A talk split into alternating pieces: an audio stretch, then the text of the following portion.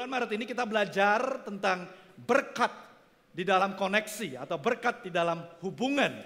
Terutama ketika kita bicara hubungan antara kita dengan orang lain atau hubungan antara sesama. Ada dua hubungan yang perlu kita bina, kita pertahankan, kita jalin dengan baik hubungan kita dengan Tuhan secara vertikal dan hubungan kita dengan sesama kita secara horizontal. Judul dari khotbah saya pada siang hari ini adalah Build to Last. Hubungan kita bisa dibangun dengan baik sehingga bisa berhasil, bisa jangka panjang.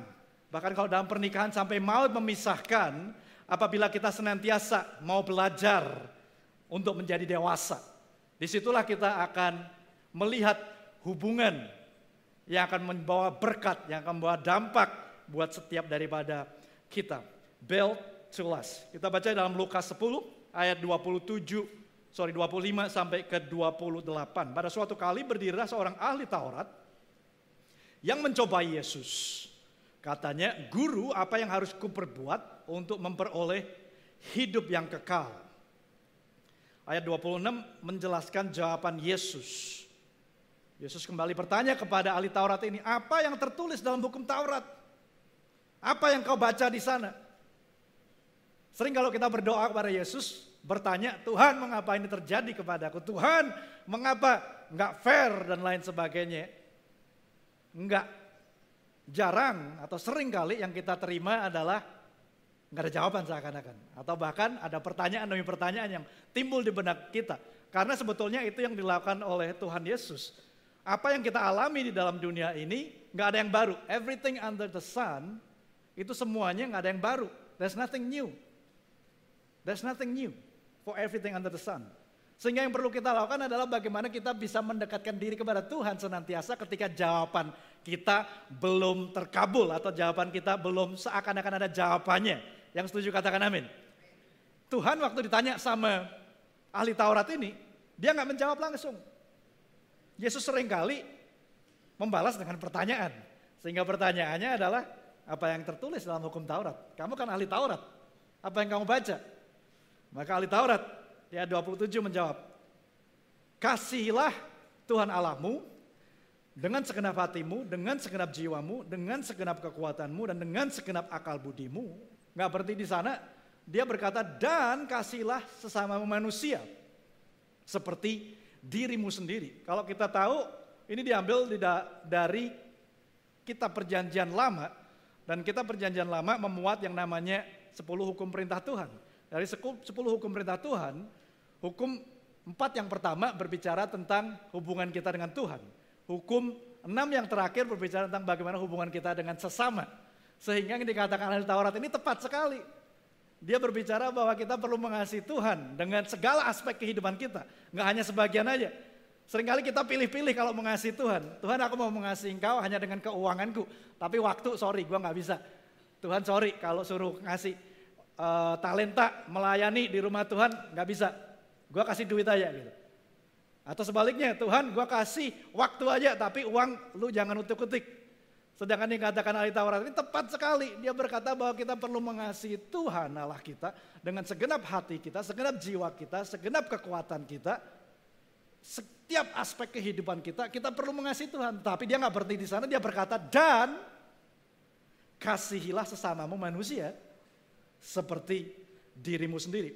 Maka jawab Yesus di ayat yang ke-28 cukup menarik. Dia berkata, jawabanmu itu benar dikatakan. Tepat. Perbuatlah demikian, maka engkau akan hidup. Nah kata perbuatlah demikian sangat menarik. Karena berarti Yesus menurut saya melihat bahwa ahli Taurat ini belum melakukannya. Dia belum melakukan apa yang dia sendiri ucapkan. Oleh sebab itulah tadi kalau kita baca di Yakobus 1 ayat 22 adalah baik untuk kita melakukan. Ada di sana? Yakobus 1 ayat 22 di ayat yang kita baca nas pada siang hari ini. Tetapi hendaklah kamu menjadi pelaku firman. Dan bukan hanya pendengar saja. Dikatakan sebab jika tidak demikian, kamu menipu dirimu sendiri. Dikatakan gampangnya seakan-akan terjemahannya adalah apabila kita datang ke gereja, ke iCare, kita mendengarkan podcast tentang kebenaran firman Tuhan dan lain sebagainya. Tetapi kita hanya sebatas mendengar saja, menjadi pendengar saja, tidak melakukannya, tidak menjadi pelaku, maka dikatakan sia-sialah. Maka dikatakan tidak ada gunanya yang kamu lakukan, nggak berguna. Oleh sebab itulah Tuhan Yesus ketika mendapat jawaban dari ahli Taurat ini, dia berkata yang pertama, benar jawabanmu. Kemudian kata-kata selanjutnya adalah, lakukanlah itu, perbuatlah itu. Jangan berhenti cuma tahu saja. Karena berhenti hanya di pengetahuan tidak menghasilkan apa-apa. Yang mengerti katakan amin. Kita perlu melakukannya agar kita menuai hasilnya. Demikian juga kalau kita bicara tentang hubungan kita dengan sesama kita hari ini, maka saya harap ketika Anda mendapat pengetahuan yang Anda terima melalui kebenaran firman Tuhan, Anda nggak berhenti di sini, oh, tapi Anda keluar dan melakukannya. Dan saya yakin firman Tuhan ini akan melakukan tugasnya dan akan membuat hubungan Anda berhasil. Yang setuju katakan amin. Di mana your relationship will be built to last. Akan dibangun untuk menjadi kokoh, dibangun untuk berhasil di dalam kehidupan kita. Nah, menariknya jawaban Yesus di sini jawabanmu itu benar, perbuatlah demikian, maka engkau akan hidup. Kalau kita lihat ke ayat 25, boleh mundur ke ayat 25 sebentar. Yang dikatakan, yang dipertanyakan ahli Taurat sebetulnya adalah guru apa yang harus kuperbuat untuk memperoleh hidup yang kekal. Bukan hanya berhenti hidup doang. Tetapi Yesus tahu karena ahli Taurat ini sengaja ingin menjebak dia sehingga dia tidak mau menjawab bahwa hanya melalui perbuatan demi perbuatan baik kita, kita bisa mendapatkan hidup kekal. Karena kita tahu kehidupan kekal hanya dapat dilakukan melalui penebusan Kristus di atas kayu salib. Only by the grace of God through faith that we are saved. Hanya oleh karena kasih karunia melalui iman percaya kita, Anda dan saya beroleh hidup yang kekal. Yang setuju katakan amin. Bukan karena usaha Anda dan saya, bukan karena hebat kita, bukan karena kita mengasihi Tuhan dengan memuji, menyembah Dia dengan segala yang kita miliki itu nggak cukup. Karena perbuatan kita firman Tuhan katakan seperti kain kotor. Hanya darah Kristus yang sanggup memberikan kita hidup kekal yang ditanyakan oleh ahli Taurat itu sehingga ayat 28 ketika Yesus menjawab benar apa yang kau katakan perbuatlah itu maka engkau akan beroleh hidup. Yesus tidak sedang berkata tentang hidup kekal. Tetapi yang Yesus sedang katakan adalah hidup yang kita hidupi saat ini. Yang mana Yohanes 10 ayat 10 berkata iblis datang untuk mencuri, membunuh, dan membinasakan. Tetapi aku datang untuk memberi hidup dan hidup di dalam kepenuhannya. Berarti ada yang hidup nggak penuh. Atau bahkan kalau jawaban Yesus sebetulnya ada orang yang hidup tapi nggak hidup. Ada orang yang hidup tapi nggak menikmati kehidupan. Ada nggak? Banyak sekali. Banyak sekali. Dan sebuah riset yang dilakukan oleh sebuah institusi yang sangat terkenal, Harvard di Amerika, mereka melakukan sebuah riset selama 80 tahun, sejak 1938 sampai 2 tahun yang lalu. Sehingga 80 tahun mereka mengumpulkan hasil riset mereka mengikuti jejak 738 kalau nggak salah, 738 orang dari berbagai macam latar belakang mereka ikuti. Kemudian sampai ada yang sudah berhasil, ada yang bangkrut, ada yang sudah meninggal setengah jalan, kemudian ada yang masih hidup bahkan punya anak cucu. Sampai akhirnya seluruh sampel yang dikumpulkan selama 80 tahun itu 2000-an orang, mereka mempertanyakan satu hal, para researcher ini. Mereka mempertanyakan apa yang membuat hidup itu hidup. Apa yang membuat hidup itu penuh. Apa yang membuat hidup itu berkelimpahan. Atau bahasa gampangnya apa yang membuat hidup itu bahagia? Dan jawabannya hanya satu. Yang membuat hidup hidup adalah kualitas hubungan kita dengan sesama. Kualitas hubungan kita terutama dengan orang-orang yang kita kasih. Suami istri, orang tua dengan anak, dengan extended family, dengan orang-orang di sekitar kita, rekan sepelayanan, rekan kerja dan lain sebagainya. Itulah yang membuat hidup kita penuh hidup kita bisa menikmati keseluruhannya. Nah ini yang dikatakan oleh Yesus, apabila engkau melakukan ini, mengasihi Tuhan dengan segenap hatimu, segenap kekuatanmu, segenap jiwamu, dan mengasihi sesama manusia seperti engkau mengasihi dirimu sendiri, di situlah engkau mendapatkan hidup. Yang setuju katakan amin. Jelas Yesus sangat concern akan hubungan kita dengan dia, itu pasti. Karena oleh itulah dia datang supaya Anda dan saya bisa punya akses kepadanya. Karena tanpa melalui Yesus, tanpa melalui salib kita nggak punya akses ke Bapa. Jelas Tuhan tidak mengecilkan hubungan dia dengan setiap daripada kita di tempat ini. Tetapi dia tidak mengecilkan hubungan Anda dengan orang-orang di sekitar Anda. Karena dia menganggap itu sama pentingnya, bahkan di bagian Matius dan Markus, Yesus berkata bahwa di dalam kedua hukum itulah semua hukum Taurat diringkas. Yaitu kasihlah Tuhan Allahmu dengan segenap hatimu, segenap akal budimu, dan kasihlah sesama manusia yang tidak kalah pentingnya dikatakan Yesus. Di dalam dua hukum inilah semua hukum Taurat itu digantungkan. Artinya apa? Kesimpulannya cuma dua itu yang perlu kita lakukan. Kalau kita mau beroleh yang namanya kehidupan. Kita beroleh hidup yang penuh, bisa bahagia di dalam hidup ini. Ada seorang berkata, you cannot add years to your life, but you can add life to your years. Anda nggak bisa menambahkan tahun di dalam hidup Anda, karena hidup Anda dan saya tahunnya sudah dibatasin oleh Tuhan, sudah direncanakan. Karena aku tahu rancangan apa yang aku punya akan kau rancangan damai sejahtera, bukan rancangan kecelakaan, tetapi rancangan yang masa depan penuh pengharapan. Tuhan sudah punya rencananya, blueprintnya sudah ada. Gak bisa kita tambahkan tahun di dalam kehidupan kita, tapi kita bisa tambahkan kehidupan di dalam tahun-tahun kita. Dan saya mau punya kehidupan di dalam tahun-tahun saya. Yang mau juga silahkan angkat tangan mangut-mangut. We want to have life in our years. Karena hidup kita ini pendek Bapak Ibu saudara sekalian. Max kata firman Tuhan 80 tahun. Itu sudah bonus. Kalau lebih daripada itu puji syukur, puji Tuhan. Tetapi dalam waktu yang singkat ini bagaimana kita bisa menambahkan kehidupan di dalam tahun-tahun kita Itulah yang akan kita pelajari di bulan ini. Bagaimana kita bisa membangun hubungan yang gak hanya sehat, tetapi hubungan yang akan membawa berkat di dalam hidup kita. We're building relationship that will last, terutama kalau kita berbicara dalam konteks pernikahan.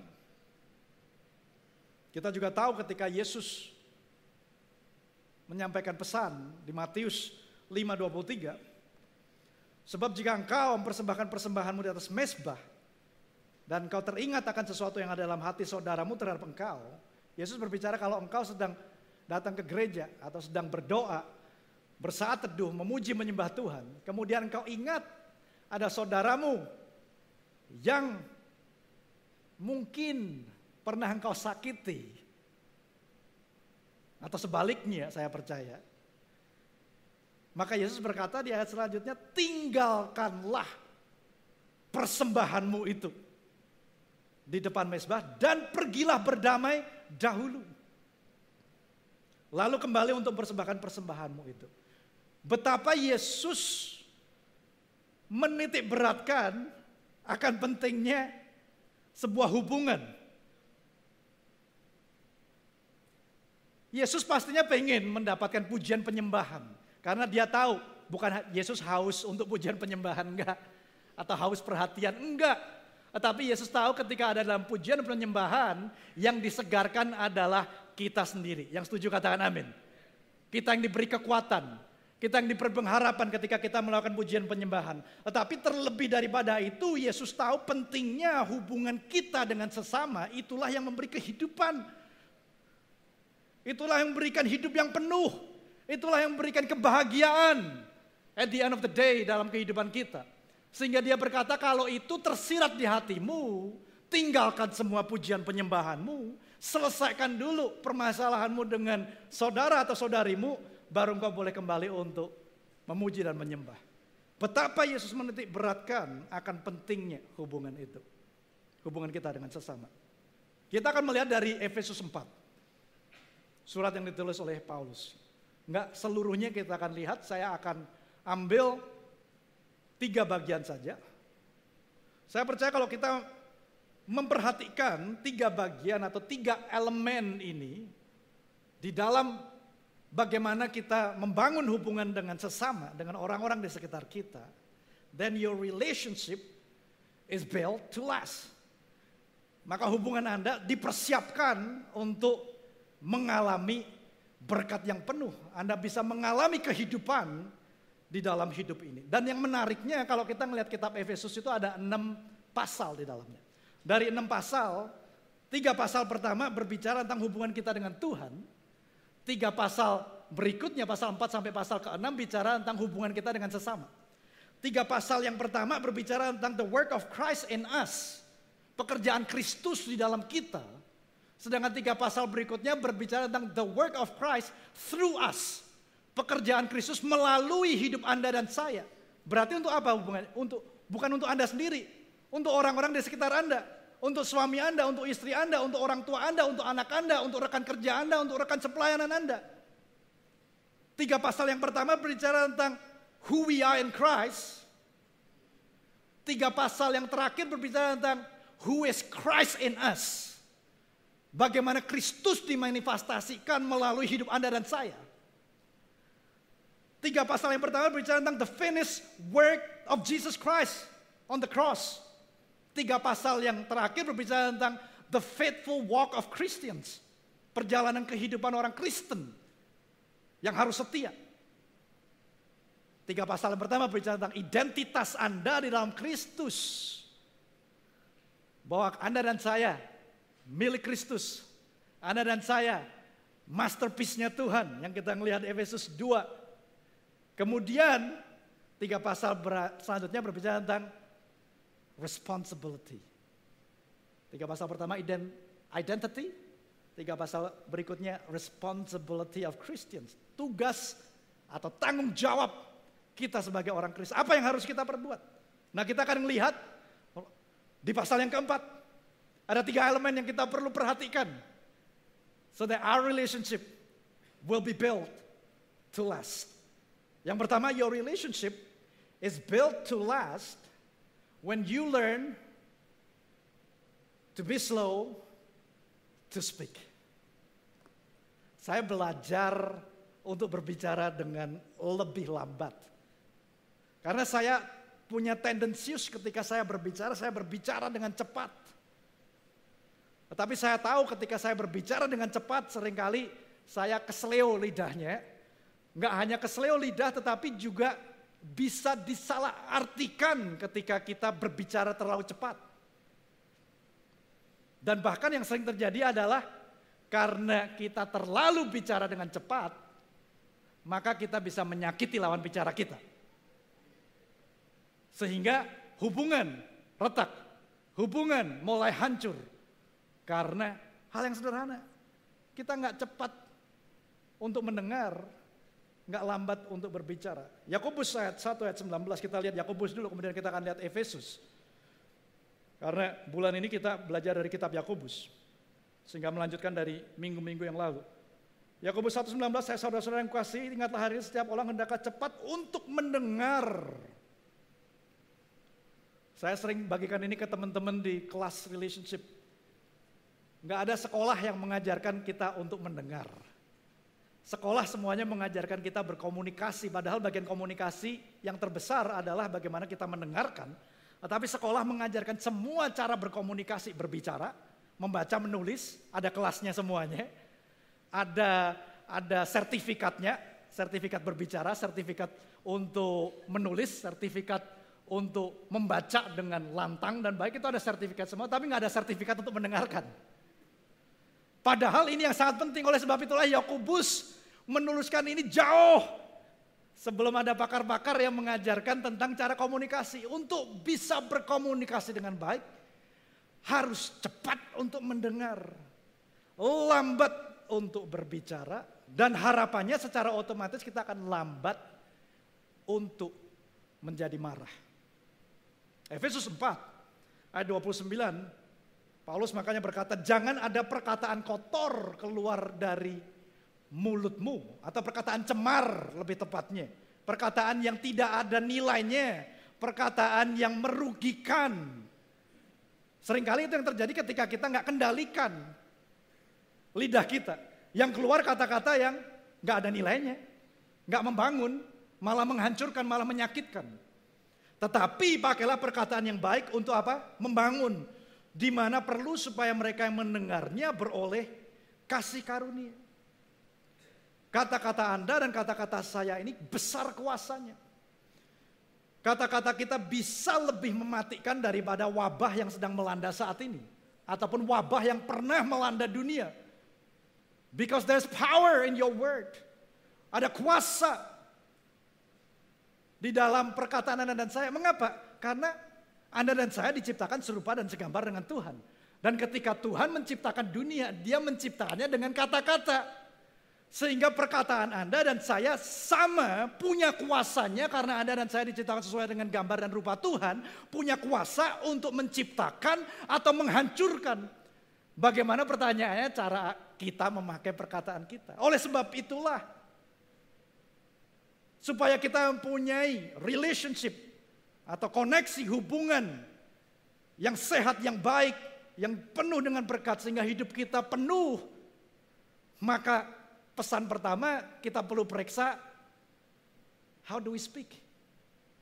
Be slow to speak.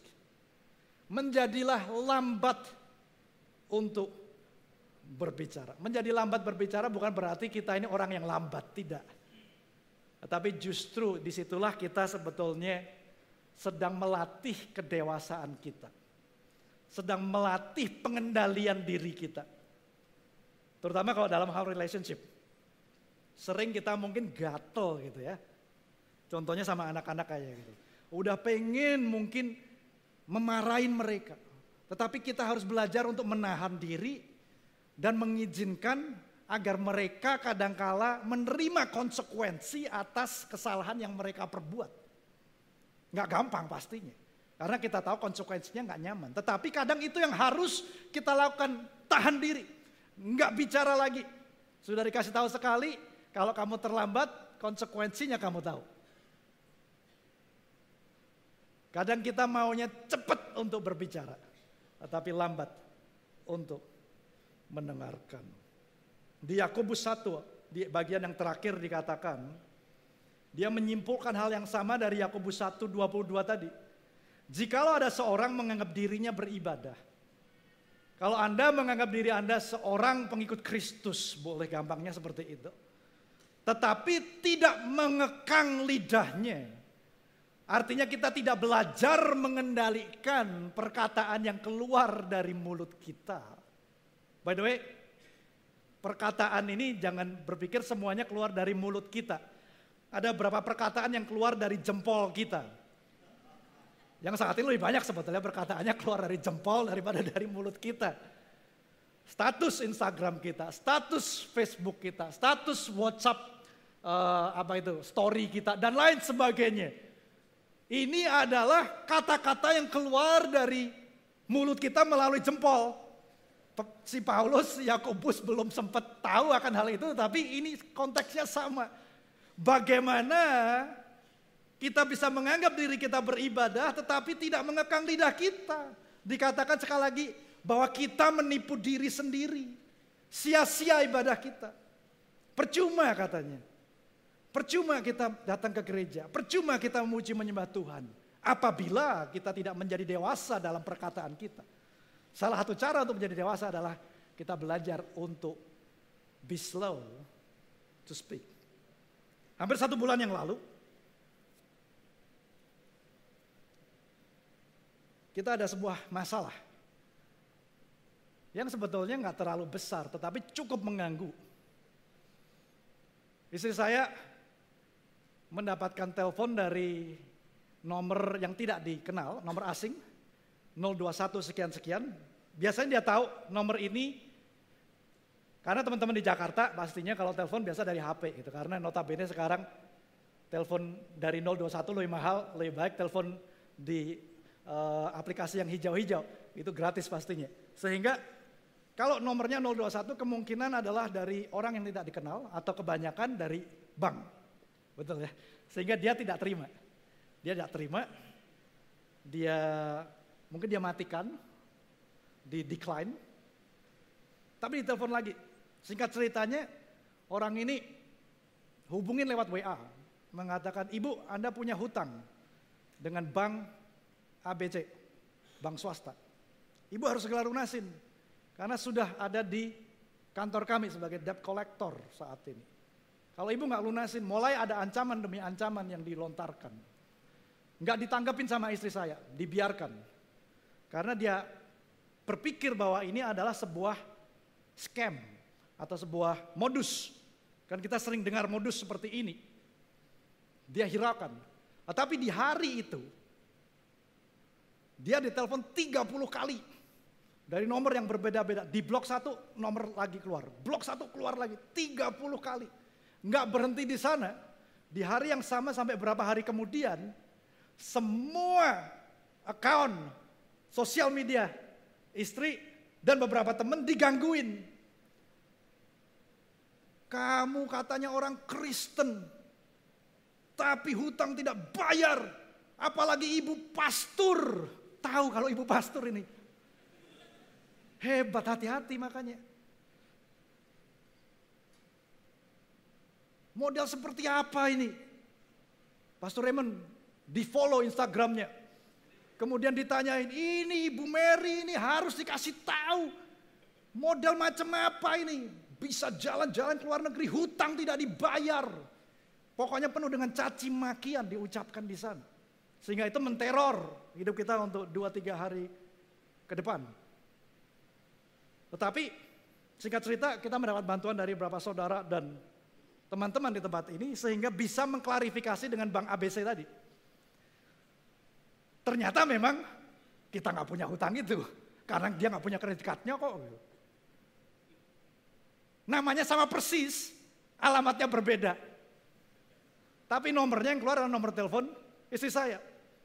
Sehingga dari situ semua sosial medianya mulai diikuti dan dihantuin. Nah, hubungannya apa dengan be slow to speak? Nggak ada. No, I'm just kidding. Kalau nggak ada, saya cerita aja gitu. Kalian tegang sih soalnya. Hubungannya adalah, saya mengucap syukur, ini terjadinya setelah 18 tahun menikah. Kalau itu terjadi di pernikahan awal kami, saya pertama kali akan melakukan, kamu itu gimana sih? Lu kalau utang segera dibayar. Ini sekarang coreng nama ini gereja disangkut pautin kantor gereja ditelepon diteror Bapak Ibu sekalian. Ada yang namanya Ibu Mary, istrinya Pastor Bobby Setiawan mana gitu. Saya mau bicara dan lain sebagainya gitu. Semua diteror. Saya bisa marah langsung. Lu itu jangan lupa tuh. Punya kredit card nggak di bayar, saya bisa langsung marah dengan cepat. Kalau itu terjadi di awal-awal pernikahan kita. Tapi karena sudah makan garam, 18 tahun menikah, wasin sekali gitu ya. Saya akhirnya belajar bahwa Yakobus 1:19 menolong pernikahan saya. Be slow to speak. Saya belajar untuk memahami perasaan dia. Boleh tanya, pertama kali ketika dia curhat, Hon, aku ditelepon debt collector ini. Oh ya, are you okay? How do you feel? Saya nggak tanya, loh kamu utang ya? Enggak. Karena ini tadi, belajar. Bukan berarti saya sempurna, saya masih kurang jauh dari sempurna. Tetapi saya belajar untuk lambat berkata-kata. Cepat untuk mendengarkan. Saya mulai mendengarkan keluh kesahnya dia dan saya mengafirmasi. Dan bahkan membela dia, ayo kalau perlu kita datengin kantornya. Ayo kalau perlu apa yang perlu kita lakukan. Kita kirim orang gantian teror mereka. Gitu. Tapi bukan cara yang baik sebagai seorang pendeta katanya. Gitu. Akhirnya kita nggak melakukan. Anyway, so be slow to speak. If you can do this, kalau Anda bisa melakukan ini, then be sure that you are on the way to build your relationship for last. Anda akan membangun hubungan Anda untuk jangka yang cukup panjang. Yang kedua, elemen yang kedua yang perlu Anda perhatikan ketika membangun hubungan adalah your relationship is built to last when you learn to speak the truth in love. Saya terjemahkannya melakukan kebenaran dalam kasih. Memang karena terjemahan yang tepat adalah melakukan kebenaran, bukan hanya berbicara kebenaran. Efesus 4:15 dikatakan, tetapi dengan teguh berpegang kepada kebenaran dalam kasih, kita bertumbuh di dalam segala hal ke arah dia. Ke arah siapa? Ke arah Kristus. Maksudnya apa? Menjadi dewasa seperti Kristus yang adalah panutan kita, yang adalah kepala. Nah bahasa Inggrisnya dikatakan, instead speaking the truth in love, we will grow to become in every respect the mature body of him who is the head that is Christ. Sekali lagi terjemahan yang lebih tepat adalah hidup di dalam kebenaran dengan kasih. Tetapi nggak bisa dipungkiri di dalam kehidupan kita tidak terluput ada perkataan yang terucap. Kalau tadi elemen yang pertama adalah be slow to speak. Elemen yang kedua yang kita perlu perhatikan, kalau Anda perlu berbicara, maka Anda harus pastikan ada dua komponen ini hadir. Yaitu komponen kebenaran dan komponen kasih. Dua ini harus hadir di dalam kata-kata Anda. Kalau dua ini tidak hadir di dalam kata-kata Anda, maka pepatah silent is golden is right. Diamlah. Nggak perlu bicara kalau nggak ada kebenaran. Karena itu nimbulkan banyak permasalahan di belakang. Nggak perlu berbicara kalau nggak ada kasih. Karena kebenaran tanpa kasih itu menjadi brutal, sangat menyakitkan. Tetapi sebaliknya, berbicara kasih tanpa kebenaran, ini menimbulkan hoax. Ini menimbulkan penipuan, menimbulkan kepura-puraan di dalam hubungan Anda. Sehingga nggak ada genuine relationship that is being built. Sehingga kita perlu dua komponen ini untuk memastikan ketika kita berbicara untuk membangun hubungan yang kuat. Masalahnya sering kali daripada kebenaran kita memilih kenyamanan. We seek comfort more than the truth. Kita lebih memilih kenyamanan daripada kebenaran. Mudah nggak untuk menegur seseorang? Nggak mudah. Karena kita tahu menegur ini akan punya potensi menimbulkan konflik, punya potensi untuk memisahkan hubungan, membuat jarak di dalam hubungan kita. Tetapi jangan lupa sebaliknya ketika Anda menegur dengan tepat, maka itu akan membawa hubungan Anda semakin dekat karena Anda saling mengenal hati Anda satu sama yang lain. Asal dibarengi oleh dua komponen ini yaitu kebenaran dan kasih harus senantiasa hadir. Demikian juga saya kasih contoh misalnya dalam hal kita mendidik anak-anak kita. Kalau kita hanya mendidik dengan kebenaran saja, kita beri kekerasan demi kekerasan, bukan kekerasan rumah tangga, tetapi kita tegur, kita disiplin, kita minta pertanggungjawaban dari anak-anak kita tanpa kasih, maka mereka akan tumbuh dengan ketakutan, dengan kepahitan. Tetapi sebaliknya apabila mereka hanya dikasih kasih saja tanpa disiplin, maka mereka tidak bisa menjadi dewasa. Oleh sebab itulah kita perlu dua hal ini, dua komponen ini untuk senantiasa dihadirkan. Jadi kalau kami berdua sedang mendisiplin anak-anak kami, yang kita lakukan entah di depan, entah di tengah, entah di belakang, kita selalu bilang, girls, anak-anak, we do this because we love you. Atau kita katakan, apa yang kita sampaikan ini karena Kita tahu ini baik untuk kamu. And we have the best interest for your life. Kami punya pemikiran yang terbaik selain Tuhan pastinya untuk kehidupan Anda. Sehingga itulah makanya kita harus mengutarakannya dengan tepat. Yaitu apa? Kebenaran ditambah dengan kasih. So if you have to speak, make sure there's two components. Dua komponen ini hadir di dalam setiap percakapan Anda dan saya. Di situlah Anda bisa membangun hubungan yang solid, hubungan yang kuat, yang akan membawa berkat nggak hanya untuk hidup Anda, tapi buat orang di sekitar Anda. Seseorang berkata seperti ini. Ini akan membawa saya ke poin yang ketiga, yang terakhir. Whenever you're wrong, admit it. Whenever you're right, shut up. Seringkali kita sebaliknya bukan? Whenever you're wrong, shut up. Ini suami-suami korban sih biasanya gitu. Lu salah bener lu pokoknya diem aja deh gitu. Enggak itu enggak bener itu. Alkitab nggak bilang seperti itu ya. Yakobus nggak bilang suami-suami lebih baik engkau diam enggak. Be slow to speak, be fast to listen. Tetapi dikatakan di sini when you're wrong admit it.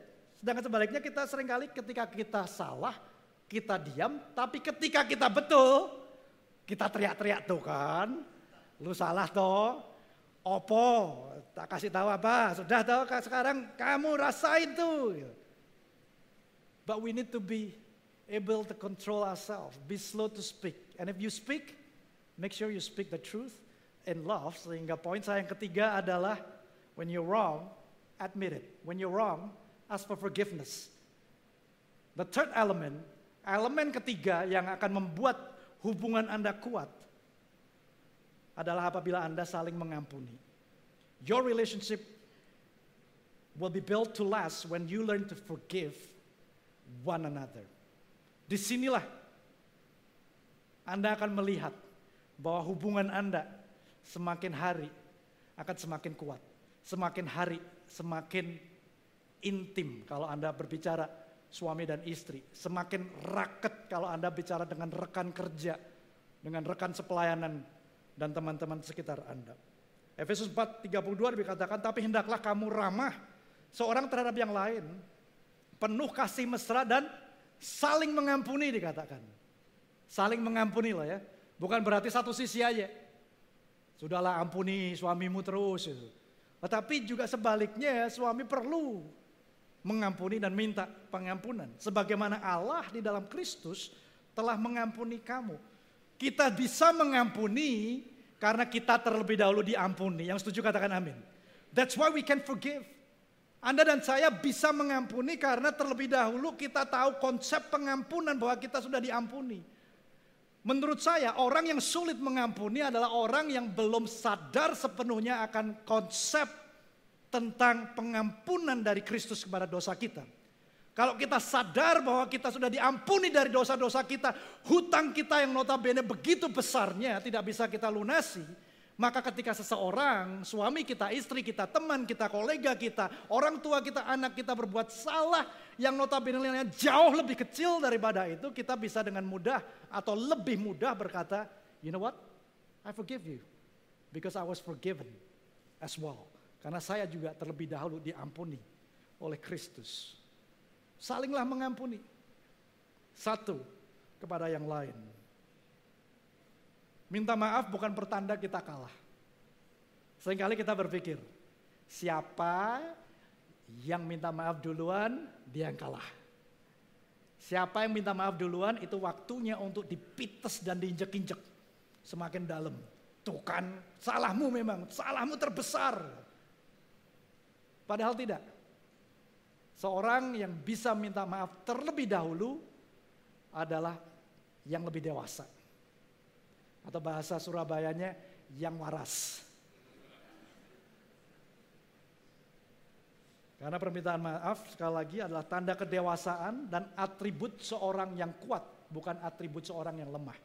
Kita berpikir permintaan maaf diasosiasikan dengan kelemahan, tetapi tidak. Permintaan maaf hanya bisa diucapkan oleh seorang yang tahu posisi dirinya siapa dan tidak terancam oleh permintaan maaf yang kelihatannya kecil. Dialah orang yang kuat. Sehingga apabila Anda melihat ini, maka suami dan istri Anda akan berlomba-lomba untuk lebih dulu meminta maaf. Itu yang saya lakukan dengan istri. Sejak kita semakin dewasa, kita berjanji bahwa ayo kita lebih cepat saling minta maaf satu sama yang lain. Dulu kalau saya minta maaf, saya bisa makan waktu tiga hari bahkan lebih, tujuh hari mungkin. Nggak alkitabiah banget katanya gitu. Tapi itulah kehidupan seorang nggak ada yang sempurna. Tetapi saya belajar untuk memaafkan dalam waktu tiga menit. Karena apa? Proses. Ya nggak selalu tiga menit sih. Bisa tiga jam, masih bisa gitu. Tetapi di sinilah saya belajar untuk saling mengampuni bersama dengan istri, bersama dengan teman-teman di sekitar kita. Saya pernah sering mengaku ke beberapa teman di sini, I'm sorry, I was wrong, please forgive me. Dan sebaliknya, di situlah kita membangun hubungan yang kuat, yang solid. Dan permintaan maaf dan saling memaafkan adalah jalan untuk memuji, menuju pemulihan dan kesembuhan. Seringkali hubungan kita yang retak, kuncinya cuma satu, minta maaf. Rendahkan hati, minta maaf. Hubungan yang retak antara suami dan istri, kuncinya adalah minta maaf, saling mengampuni. Orang tua dengan anak, minta maaf, saling mengampuni. Di situ ada pemulihan, di situ ada kesembuhan terjadi.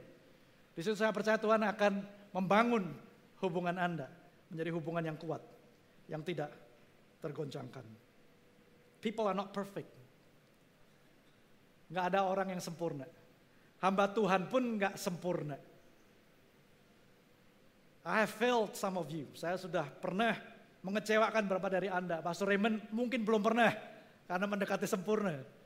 Tetapi setiap orang pasti akan bisa mengecewakan. Anda mungkin berpikir, oh pastor pacarku sempurna. Tunggu tanggal mainnya maka Anda akan melihat ketidaksempurnaannya dia. Mungkin tanggal kawin akan menunjukkan sebuah tanggal ketidaksempurnaan dia gitu. Tetapi jelas bahwa di dunia ini nggak ada orang yang sempurna. Sehingga yang perlu kita lakukan adalah kita perlu proaktif untuk mengampuni satu sama yang lain. Oleh sebab itulah Yesus ketika tanya oleh Petrus, Yesus, gua harus ngampuni berapa kali? Tujuh kali cukup? Wah Petrus sudah sok gagah gitu sama Yesus. Tujuh kali loh Yesus. Yesus bilang, enggak Petrus, 70 kali 7 kamu harus mengampuni. Artinya apa? Senantiasa. Terus lakukan pengampunan. Proaktif. Nah saya suka di Efesus 4 ini. Karena di awalnya di ayat 2 sudah diberikan kuncinya.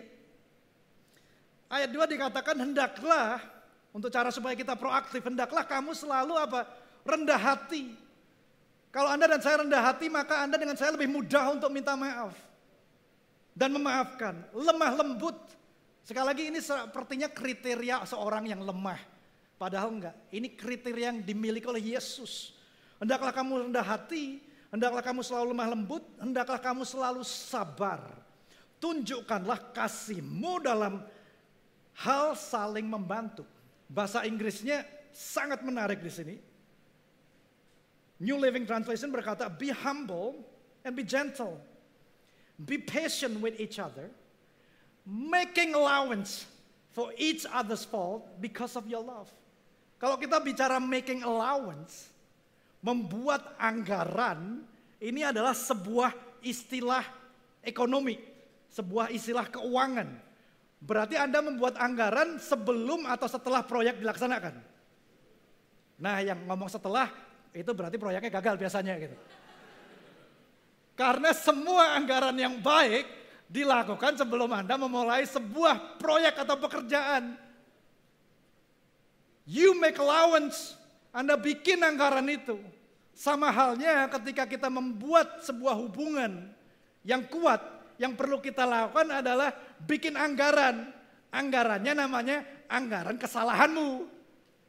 Dan anggaran ini haruslah kertasnya tidak terbatas. Artinya apa? Artinya kita siapkan ruang untuk istri kita, suami kita, orang tua kita, anak kita, kolega kita untuk berbuat salah sehingga kita bisa mengampuni. Dan sebaliknya, kalau ini dilakukan secara dua belah pihak, maka terjadi proses yang dikatakan oleh Paulus di Efesus. Saling mengampuni. Dan di situlah menjadi fondasi untuk sebuah hubungan yang kuat. Don't define a person by his or her mistake. Jangan mendefinisikan seseorang dari kesalahan yang pernah dia lakukan. Kalau kita nggak mengampuni dengan utuh, maka yang terjadi adalah sebetulnya kita sedang melabel orang itu. Di awal pernikahan kita, ini di awal pernikahan yang saya sering ceritakan karena di, di awal pernikahan lah banyak kesalahan-kesalahan gitu. Tapi saya berharap teman-teman di sini yang belajar di kelas relationship, Anda bisa terhindar dari kesalahan-kesalahan yang serupa. Di awal pernikahan kami, kami pengaturan keuangannya tidak seberapa baik. Saya portfolio secara keuangan saya seorang saver, I'm a saver. Saya seorang yang hemat. Istri saya as a spender gitu ya. Biasa kalau saver ketemu spender, cialat gitu, masalah ini. Tapi nggak bisa dipungkiri, biasanya waktu pacaran opposite attracts. Yang berlawanan itulah yang menarik. Sehingga waktu pacaran ini nggak terlihat. Tapi begitu menikah, ngomong konsep menabung aja sudah sudah nggak sama. Ngomong saving, konsep saving udah nggak sama. Karena suatu saat dia pulang, ini mungkin dua setengah tahun setelah kita menikah. Kita sudah di Indonesia. Saya pulang kantor, waktu itu belum ada WA begitu, jadi semuanya harus telepon. Tapi kita jarang telepon sehingga ceritanya setelah saya pulang dari kantor. Maka dia ada, saya nggak inget jelasnya gitu. Dia bilang, Honey, I have a good news gitu. Hamil lagi gitu, bukan ternyata gitu. Good newsnya apa? I save some money gitu. That's good. Untuk seorang spender bisa hemat, ini harus di applause gitu. That's good gitu. How? Saya tanya mulai. Gimana save-nya? Tahu nggak? Tadi di mall, oh this is not good. You're talking about saving and you are in the mall? If you are in the bank, that's a different case. You are in the mall. Iya tadi di mall, aku lagi intinya ditawarin membership gym. Oke, okay? terus udah gak sabar nih gitu. Iya, kalau saya nggak inget nominalnya. Kalau satu bulan itu kita ngomong aja 10 ribu, maka kalau 12 bulan itu jauh lebih murah. Dan saya pikir tadi kebaktian pertama saya pikir dia belinya setahun. Ternyata dia beli lima tahun gym membership. Kalau itu dipakai, saya nggak keberatan. Tapi tahukah Anda dan saya, nggak usah istri saya, menurut saya, saya pun kalau punya membership lima tahun, itu udah PD-nya, amannya luar biasa, bener nggak? Udah kerasa sehat banget, belum ke gym ini, udah sehat tuh. Lima tahun bro. Akhirnya apa? Nggak dipakai. Sama persis. Dipakainya di awal-awal. Wah seminggu tiga kali. Wah on, pakai on. Hebat. Di tahun kedua udah gak dipakai. Apalagi sampai tahun kelima. Di situlah di hari-hari percakapan kita ketika kita bicara finance. Kadang terucap saya ngomong, kamu lo inget gak?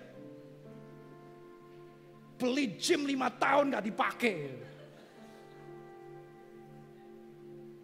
Tanpa saya sadar saya sedang melabel dia, kesalahannya dia.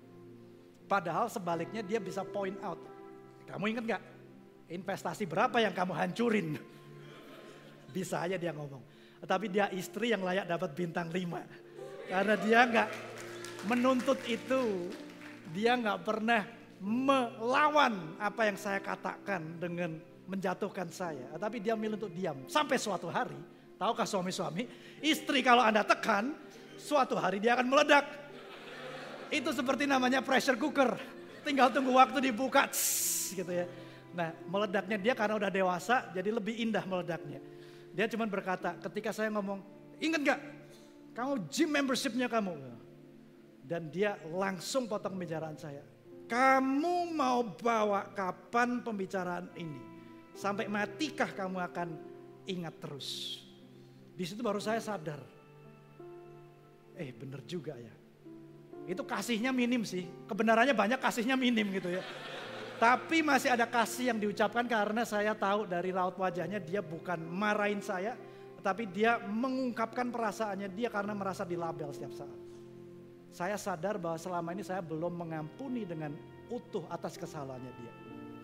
Di situlah ketika kita bicara finance di hari-hari berikutnya, saya belajar to be slow to speak. Dan ketika saya bicara pun, saya bicara penuh dengan kasih, dan saya mungkin masih teringat logika yang masih dong. Lu beli lima tahun lu, cuman dipakai sebulan istilahnya. 30 kali paling. Tapi di sana saya belajar, you know what, I forgive you.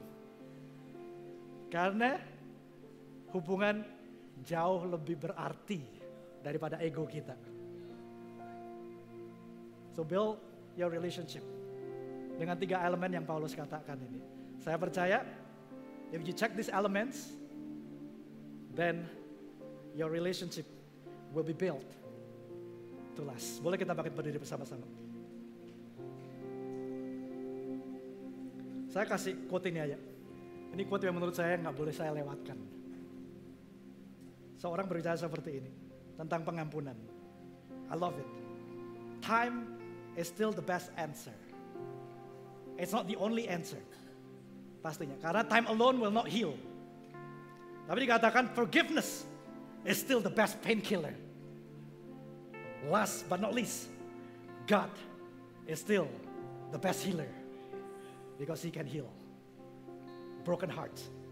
Dia bisa menyembuhkan hubungan yang retak, hubungan yang sudah parah pun dia sanggup pulihkan. Apabila Anda dan saya mau, nggak hanya menjadi pendengar, tapi menjadi pelaku kebenaran firman Tuhan merendahkan diri kita, menjadi sabar, lambat berkata-kata, cepat mendengar.